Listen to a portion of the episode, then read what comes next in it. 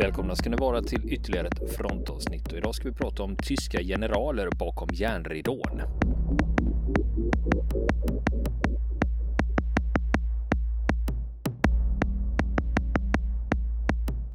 Ja du Niklas, eh, tyska generaler bakom järnridån. Jag vet att du är intresserad av tysk historia så jag inte, inte helt förvånad när du eh, sa vad du tänkte prata om idag. Nej, precis.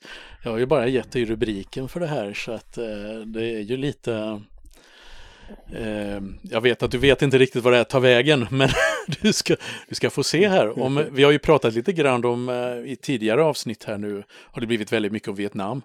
Och eh, de som har lite koll på Vietnamkriget, de vet ju vad NVA är. North Vietnamese Army eller Nordvietnamesiska armén. Ja. ja, exakt. Men vi ska ju prata om ett annat NVA på betydligt ja. närmare håll.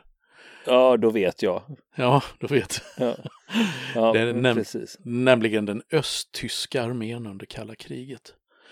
Nationella folkarmén, Nationale Volksarmé, kommer vi att ta avstamp i, i alla fall i, i eh, de här eh, kommande avsnitten. Och eh, ja, vad ska man säga? Det finns ju många av våra lyssnare, de upplevde ju kalla kriget, men sen är det ju de som inte har gjort det också, som är lite för unga för att vara med då.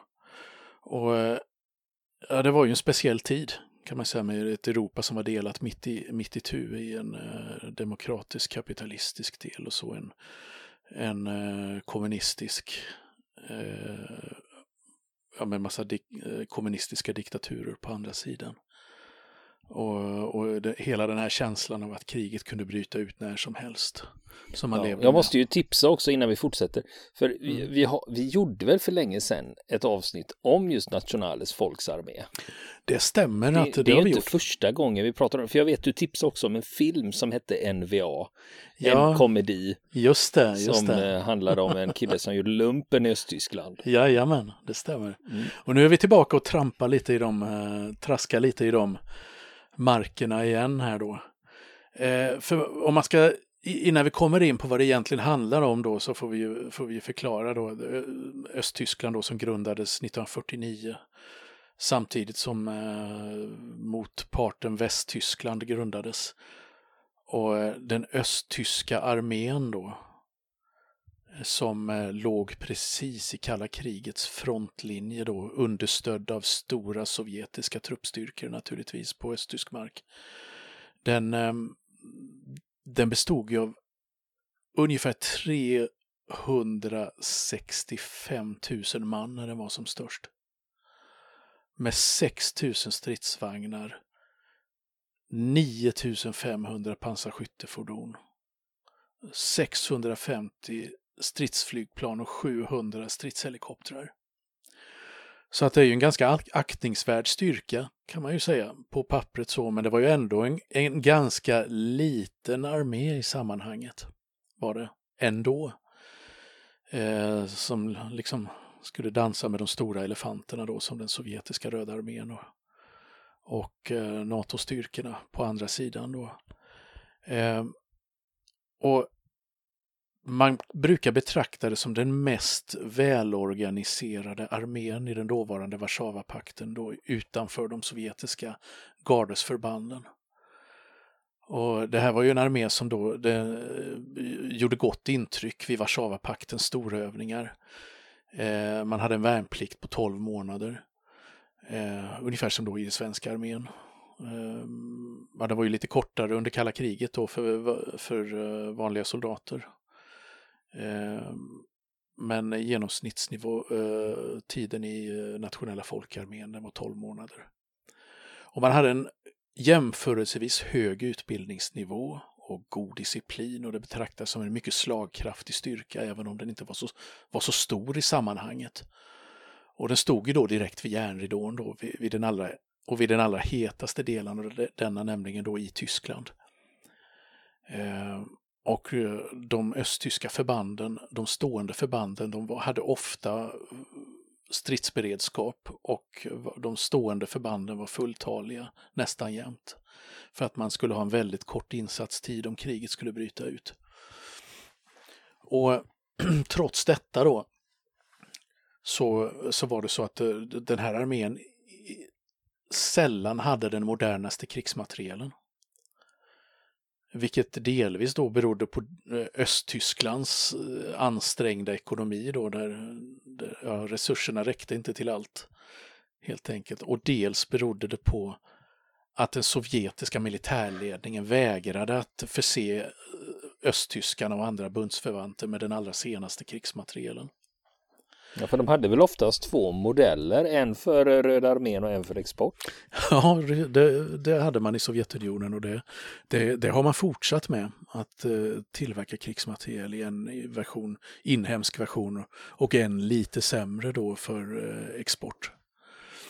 Eh, och det här ledde till då att nationella folkarmén då, den, den fick ofta vänta i flera år på att få te tekniska nyheter. Och när man fick dem så var de redan föråldrade hos sin ryske storebror då, liksom, där man redan hade satsat på nya saker. Så att man var hela tiden steget efter materiellmässigt eh, i, eh, när det gällde eh, den tekniska nivån. Då. Men ändå så var man en, då inom då östblocket då, och Warszawapakten en, en respekterad och viktig partner till Röda armén. Eh, och eh, Eh, det fanns ju även problem på andra sätt här kan man ju liksom säga då som en liten avstickare då att eftersom, eftersom ekonomin var så ansträngd i DDR så måste soldaterna, de värnpliktiga ofta avstå från övningar och istället hjälpa till i ekonomin, till exempel vid skördetid eller i gruvdriften då när man bröt brunkol eller, eller på olika byggprojekt. Och det, det gick ju ut över, eh, över den militära effektiviteten naturligtvis. Eh, men man kan ju se då att det här var ju en armé, det var ju en väldigt ung armé. Röda armén var ju en väldigt ung armé i sin tur, den hade ju bildats efter revolutionen 1917.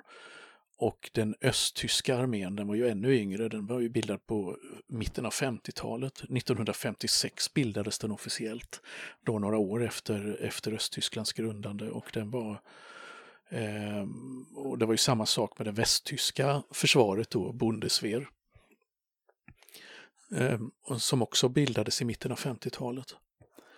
Och eh, under de första åren så var ju östtyska armén en frivillig armé. Till skillnad då från Bundeswehr i Västtyskland som var en värnpliktsarmé. Det ändrades först efter att muren hade byggts 1961. Då omvandlades det också till en värnpliktsarmé. Mm, men du, en fråga här. För du säger ju att den var ganska ung, eh, men att den startade 1956. Men finns det några som håller på med traditioner så är det ju militären där förband ärver gamla fanor och de är fanbärare åt dem och kom ihåg slaget vid bla bla bla 1600 bla bla bla. Så att eh, fanns det någon plats för det i NVA? Ja, det, det, det där var ju någonting som var lite problematiskt i både den östtyska och den västtyska armén vid den här tiden då att man ville göra eh, så att säga ett brott. Eh, man ville, ville ha det som en brytpunkt egentligen gentemot de gamla traditionerna då som hade de militaristiska traditionerna, Preussen och allt det här som hade störtat in världen i två världskrig och, och så vidare. Så det var en, det var en känslig fråga i bägge, eh, bägge lägren då. Och eh, i Västtyskland så gjorde man distanserade man sig väldigt mycket i praktiken från just det gamla. Eh, genom att man införde ett helt, ett helt nytt sätt att leda trupperna, man införde ett helt nytt sätt att behandla soldaterna och, och så vidare. Och man, eh, man bröt med de gamla uniformerna och man såg närmast amerikanska ut och så vidare. I öst... Men, men en ja. fråga, hade, fanns graden Sturmbannführer kvar? Nej, det gjorde det inte. Men varför Nesses, det var, förvi det var förvisat till, till eh, skamvrån i alla läger. Eh, I Östtyskland, där påminde ju uniformerna väldigt mycket om de gamla från Wehrmacht. Och eh, eh man hade eh, också en del av exercisen och i paraderna så, som hölls så fanns det väldigt mycket som liksom eh, man kunde känna igen från det gamla Wehrmacht före 1945. Men samtidigt så distanserar man sig också oerhört långt ifrån, i praktiken då, från, från Wehrmachts traditioner och sånt. Och man ville eh, officiellt återknyta till en del traditioner från de tyska befrielsekrigen i mitten av 1800-talet, det vill säga när Tyskland bildades. Eh, så det försökte man med i öst. Eh, men bägge de här arméerna hade ju ett stort problem när de bildades på 1950-talet och det handlade om militära specialister, officerare. Var skulle man få tag på dem när man nu skulle bilda någonting nytt? Då fick man oftast vända sig till en, trots allt, till de gamla militära eliterna som fanns från före 1945, från Hitler-Tyskland. Och det gjorde man ju i allra störst utsträckning i Västtyskland, vilket naturligtvis den östtyska kommunistiska propagandan inte var sena att utnyttja. Att man, man påstod att det här bara var, det här var arvtagaren till Hitlers arméer och kolla hur många gamla generaler från, från eh, Nazityskland som nu sitter på höga poster och så vidare. Så det blev ju en tacksam måltavla på det sättet. Och, Eh, det, det, det var ju, hade ju varit problematiskt i väst just att man försökte sålla fram de som inte var politiskt belastade, som inte hade begått krigsförbrytelser och så vidare. Och man hittade ett antal då som var acceptabla i det nya demokratiska eh, samhället. Och en av de främsta av namnen bland dem, det var en, det var en general som hette Hans Speidel då som hade varit Rommels stabschef i Frankrike under invasionen vid Normandie och eh, varit medlem av eh, motståndet mot Hitler 20 juli 1944 och sen eh, fanns det några, eh, en rad andra generaler som hade tillhört då den, den tyska krigsmakten och deltagit i fälttågen runt om i Europa. Eh, och eh, det där är en ganska välkänd historia och, Eh, och eh, väldigt eh, utforskad på många sätt där man har vänt och vritt på det här. Och som, det har fortfarande betydelse idag för det händer, det händer än idag att någon upptäcker att någon militär kasern som man har döpt efter någon gammal general som man har trott var så att säga renhårig visa sig att så var det kanske inte i det fallet heller och så. Så har man, har man gått in och så har man bytt namn så vidare på, mm, på eh, ännu en kasern. Till exempel den, den typen av minnespolitik eh, pågår och man har haft man har haft då liksom eh, pro problem med liksom eh, ett slags identitetsproblem. Att liksom, men vilka traditioner ska vi egentligen hålla oss till? och så. Vad som är mindre känt, och det är det som vi ska prata om här eh, och koncentrera oss på, det är ju den östtyska sidan. Den andra delen där man, där man officiellt påstod att här har vi inga nazister, här har vi inte några, några, hand, några av Hitlers hantlangare i eh, den nya arbetarstatens tjänst så vidare. Det var ju den officiella doktrinen i Östtyskland, men även där så var man ju tvungen att i, inte lika hög utsträckning som i Västtyskland, men ändå att vända sig till de gamla eliterna för att hitta specialister som i det här fallet då kunde bygga upp en ny armé. Eh, för man, man kunde inte lita helt och hållet på Röda armén i det fallet. Ehm, eh, och de som man tog hjälp av i Östtyskland då, eh, inom den, eh, den östtyska arméns officerskår, det var, de kom huvudsakligen från sovjetiska krigsfångeläger.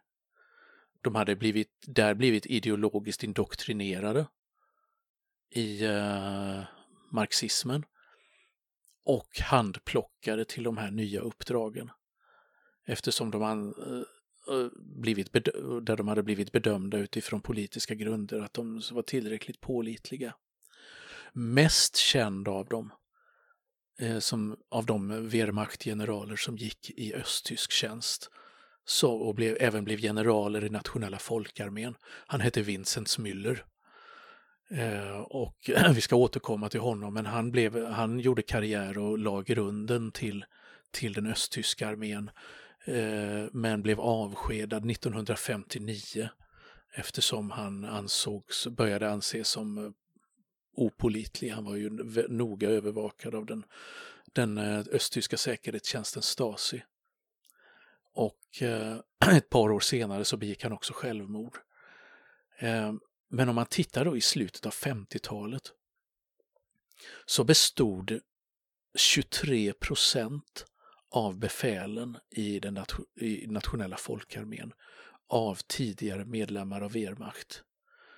Eh, och det var inte bara generaler och officerare man räknar in i det utan det var enkla soldater som hade blivit eh, och under underbefäl som hade avancerat till officerare i den östtyska armén på 50-talet. Då. Och på de 82 högsta befälposterna så satt det 61 före detta medlemmar av Wehrmacht vid den tidpunkten i slutet av 50-talet. Så att inte heller där så kom man ju eh, eh, så kom man ju ifrån det här problemet att man, man, man kunde vända ryggen mot det gamla. Eh, men vi kommer, kommer komma tillbaka till det här på slutet då, eh, lite grann mer om just eh, östtyska eh, Wehrmachts inflytande på östtyska armén, för där finns många rätt intressanta grejer och det finns en hel del myter också som vi ska röja, röja lite bland. Eh, men man kan ju säga att du vet hur det är med många gamla generaler som har varit med i de stora krigen då. Så att när, när kriget är slut, ja då, fort, och då fortsätter man föra kriget vid sina skrivbord hemma. Därför att man vill... De är svåra att ha att göra med eller? Ja, man känner... Nej, inte så att de skriver arga insändare, men de, de, skri... de är, var väldigt måna om sitt eget eftermäle och utkämpade sina strider igen i memoarböcker och militärhistoriska böcker eh, där man ville lägga saker och ting till rätta. Och det här mer än någonting annat gällde just detta, de tyska eh, memoarerna av tyska generaler från andra världskriget. Om man tittar på Västtyskland till exempel så kan man säga att många av de här memoarerna var väldigt tillrättalagda och, eh, och eh, ja, strategiskt skrivna för just eh, de här rädda de här generalernas efter, eftermäle och rädda den tyska arméns eftermäle. Då, att att, det, det handla, att Wehrmacht hade varit renhåriga soldater och så vidare och att man hade varit, eh, man tittade, liksom koncentrerade sig på liksom skickligheten hos generalerna och, och eh, soldaterna. Eh, men så att säga vänder blicken från vad var det de egentligen kämpade för. Och eh, till exempel då en av de tyska fältmarskalkarna, eh, han, Erich von Manstein, han gav sin, eh, sina memoarer titeln Verlorene Siege, förlorade segrar. Och det är liksom, kan man säga nästan eh, symboliskt för hur, hur eh, många av de här eh, memoarerna är skrivna ja, vi vann egentligen men vi förlorade våra segrar då, och, det, och så skyller man på Hitler och, och så vidare. Och en, en, en av hans kollegor, en general som hette Friesner, han, hans memoarer hette Förrådda slag i precis samma anda. Eh, och eh, de här generalerna då som hade varit på höga nivåer, de begränsade liksom eh, synfältet i sina memoarer, till sina egna skrivbord, till, till kartorna över operationerna som de hade genomfört och sina planeringstabeller och allting andades liksom nederlagets förödmjukelser. Och på samma sätt, men av helt andra eh, andra anledningar och med andra mål då, gjorde Wehrmachtgeneralerna i Östtyskland Alltså på, precis på samma sätt som generalerna i Västtyskland då, med ett förflutet då från kriget och formade en egen liksom, städad version av kriget. Likadant gjorde de deras kollegor som, eh, som eh, arbetade i Östtyskland. Men där... En, fråga, ja. en fråga där. För jag tänker, om man gör så här och skriver Mm. sina memoarer och det är Mm. liksom tillrättalagda versioner, det måste ju vara ett helvete för militärhistoriker när man ska ha reda på hur det faktiskt låg till egentligen och då tycker man här kommer det från hästens mun. Men det är liksom, eh, man har liksom glidit lite på grejerna för att det ska liksom passa dåtiden. Ja, jag, jag brukar skämtsamt säga att vill du, och det gäller liksom alla memoarpolitiker och makthavare och så vidare, att vill du veta hur något inte gick till så ska du läsa den personens memoarer. Så kan man säga. För det så brukar det vara lite grann. Och, och visst är det så i det här fallet att, att eh, mycket av det som har i de tidigaste generationen av historieböcker kring exempelvis andra världskriget så, så har man har eh, historiker och författare ofta fallit offer för de här myterna som eh, många av de här generalerna som man då sett som i början såg som relativt pålitliga vittnen. I alla fall i, inom sitt yrkesområde. Ehm,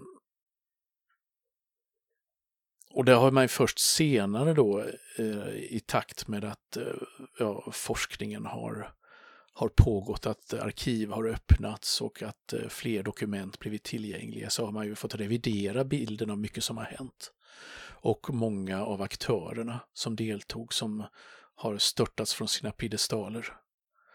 Eh, ett känt sådant exempel inte i generalsvärlden men som bara dyker upp i huvudet är ju Albert Speer, rustningsministern. Han som levererade alla, all krigsmateriel till armén då som, som eh, skrev eh, memoarer på 60-talet efter att han hade släppts ut ur fängelset och framstod som en liksom lyckades med konststycket att sälja in sig som en renhårig nazist och eh, sälja in sig som en ångerfull person som ångrade eh, Eh, eller som medgav att regimen hade varit brottslig och så vidare. Men där man eh, där senare eh, forskning alltså från 80-talet och framåt har visat, lyft fram en helt annan bild av hur det egentligen var. Och att, att han egentligen faktiskt är en person som borde dingla till galgen med de övriga som hängdes i Nürnberg.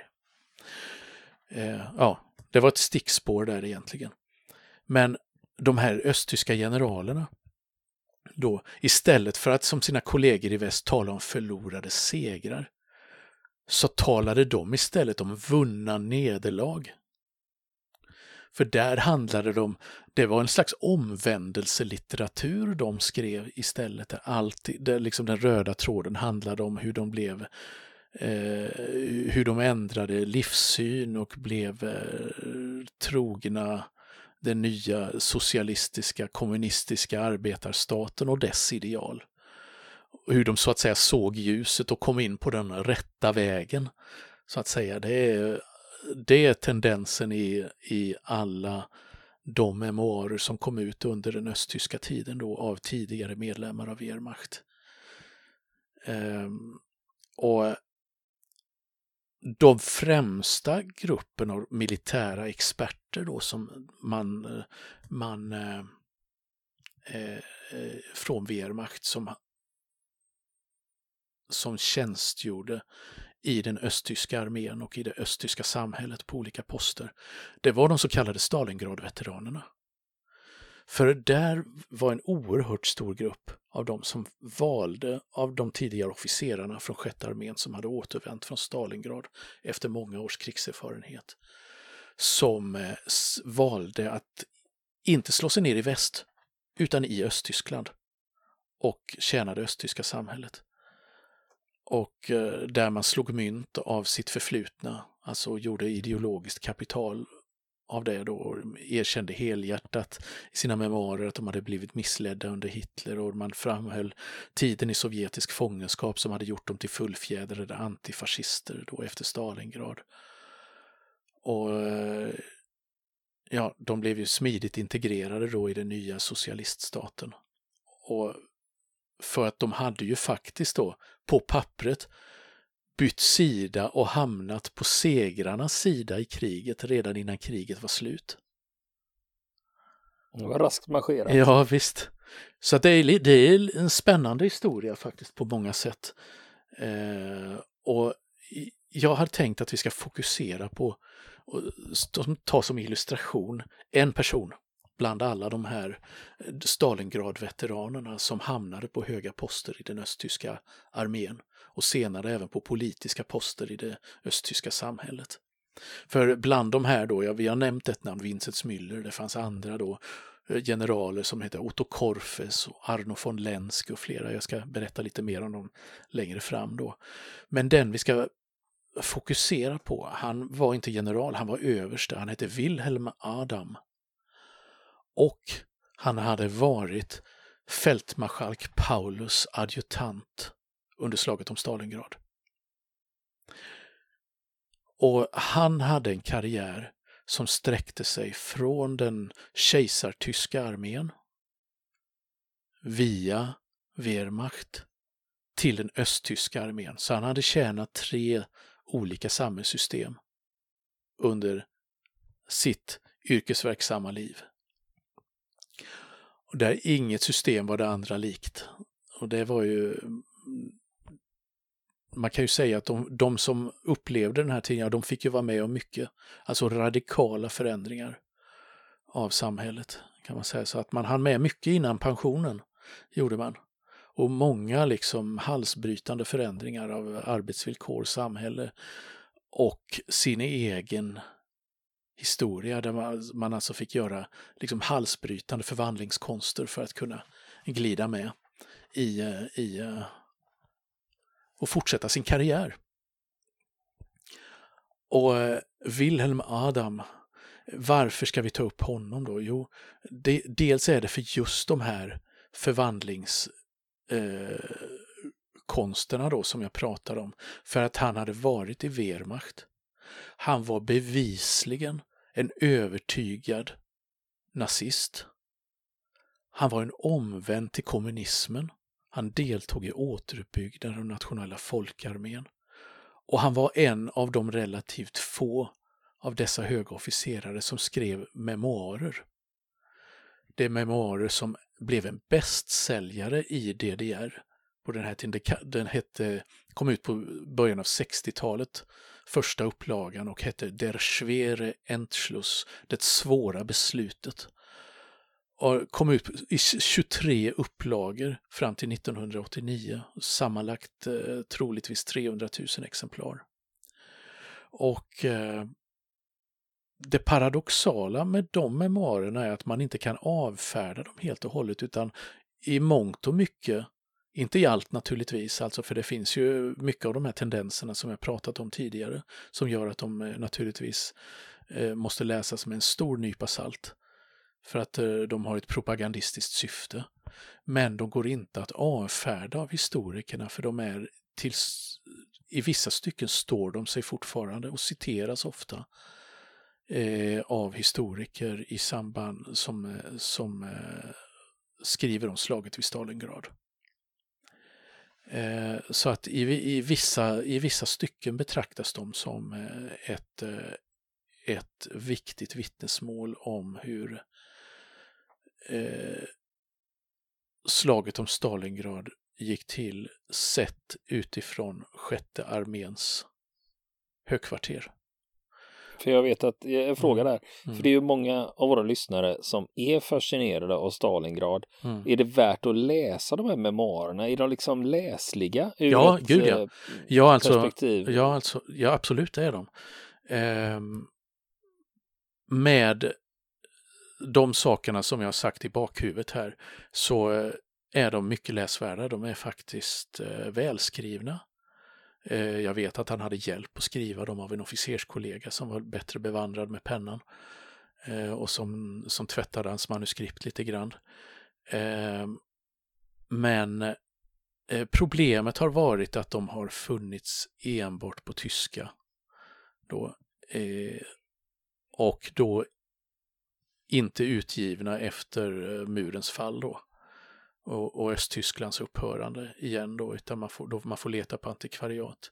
Men jag upptäckte alldeles innan vi började den här inspelningen att det har alldeles nyligen kommit ut en översättning på engelska av Wilhelm Adams memoarer.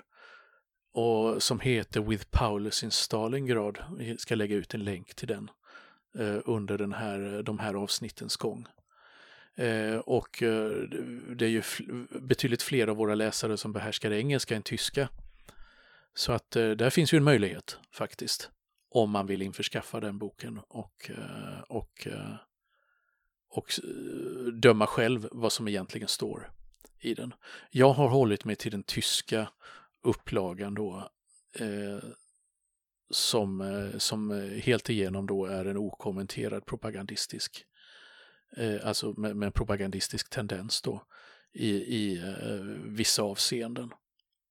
Eh, som sagt, nu börjar vi få lite ont om tid, men i nästa avsnitt då ska jag presentera vem Wilhelm Adam var. Då ska vi berätta, börja med att berätta lite grann om hans eh, eh, hans karriär, vad han gjorde ända från första världskriget fram tills tröskeln för slaget vid Stalingrad. Och därefter ska vi faktiskt ägna oss åt att citera ett par intressanta avsnitt ur hans memoarer som jag har direkt översatt från tyska för er kära lyssnare. Ja, men du lovar att det blir lite Stalingrad i alla fall? Det blir krutrök, jag lovar. Ja, det är skönt. Vill ni komma i kontakt med oss så kan ni göra det via vår Facebook-sida som heter Fronten. Det är inga problem för er att leta er fram där. Eller också så mejlar ni på vår mejladress och det är frontenpodcastgmail.com.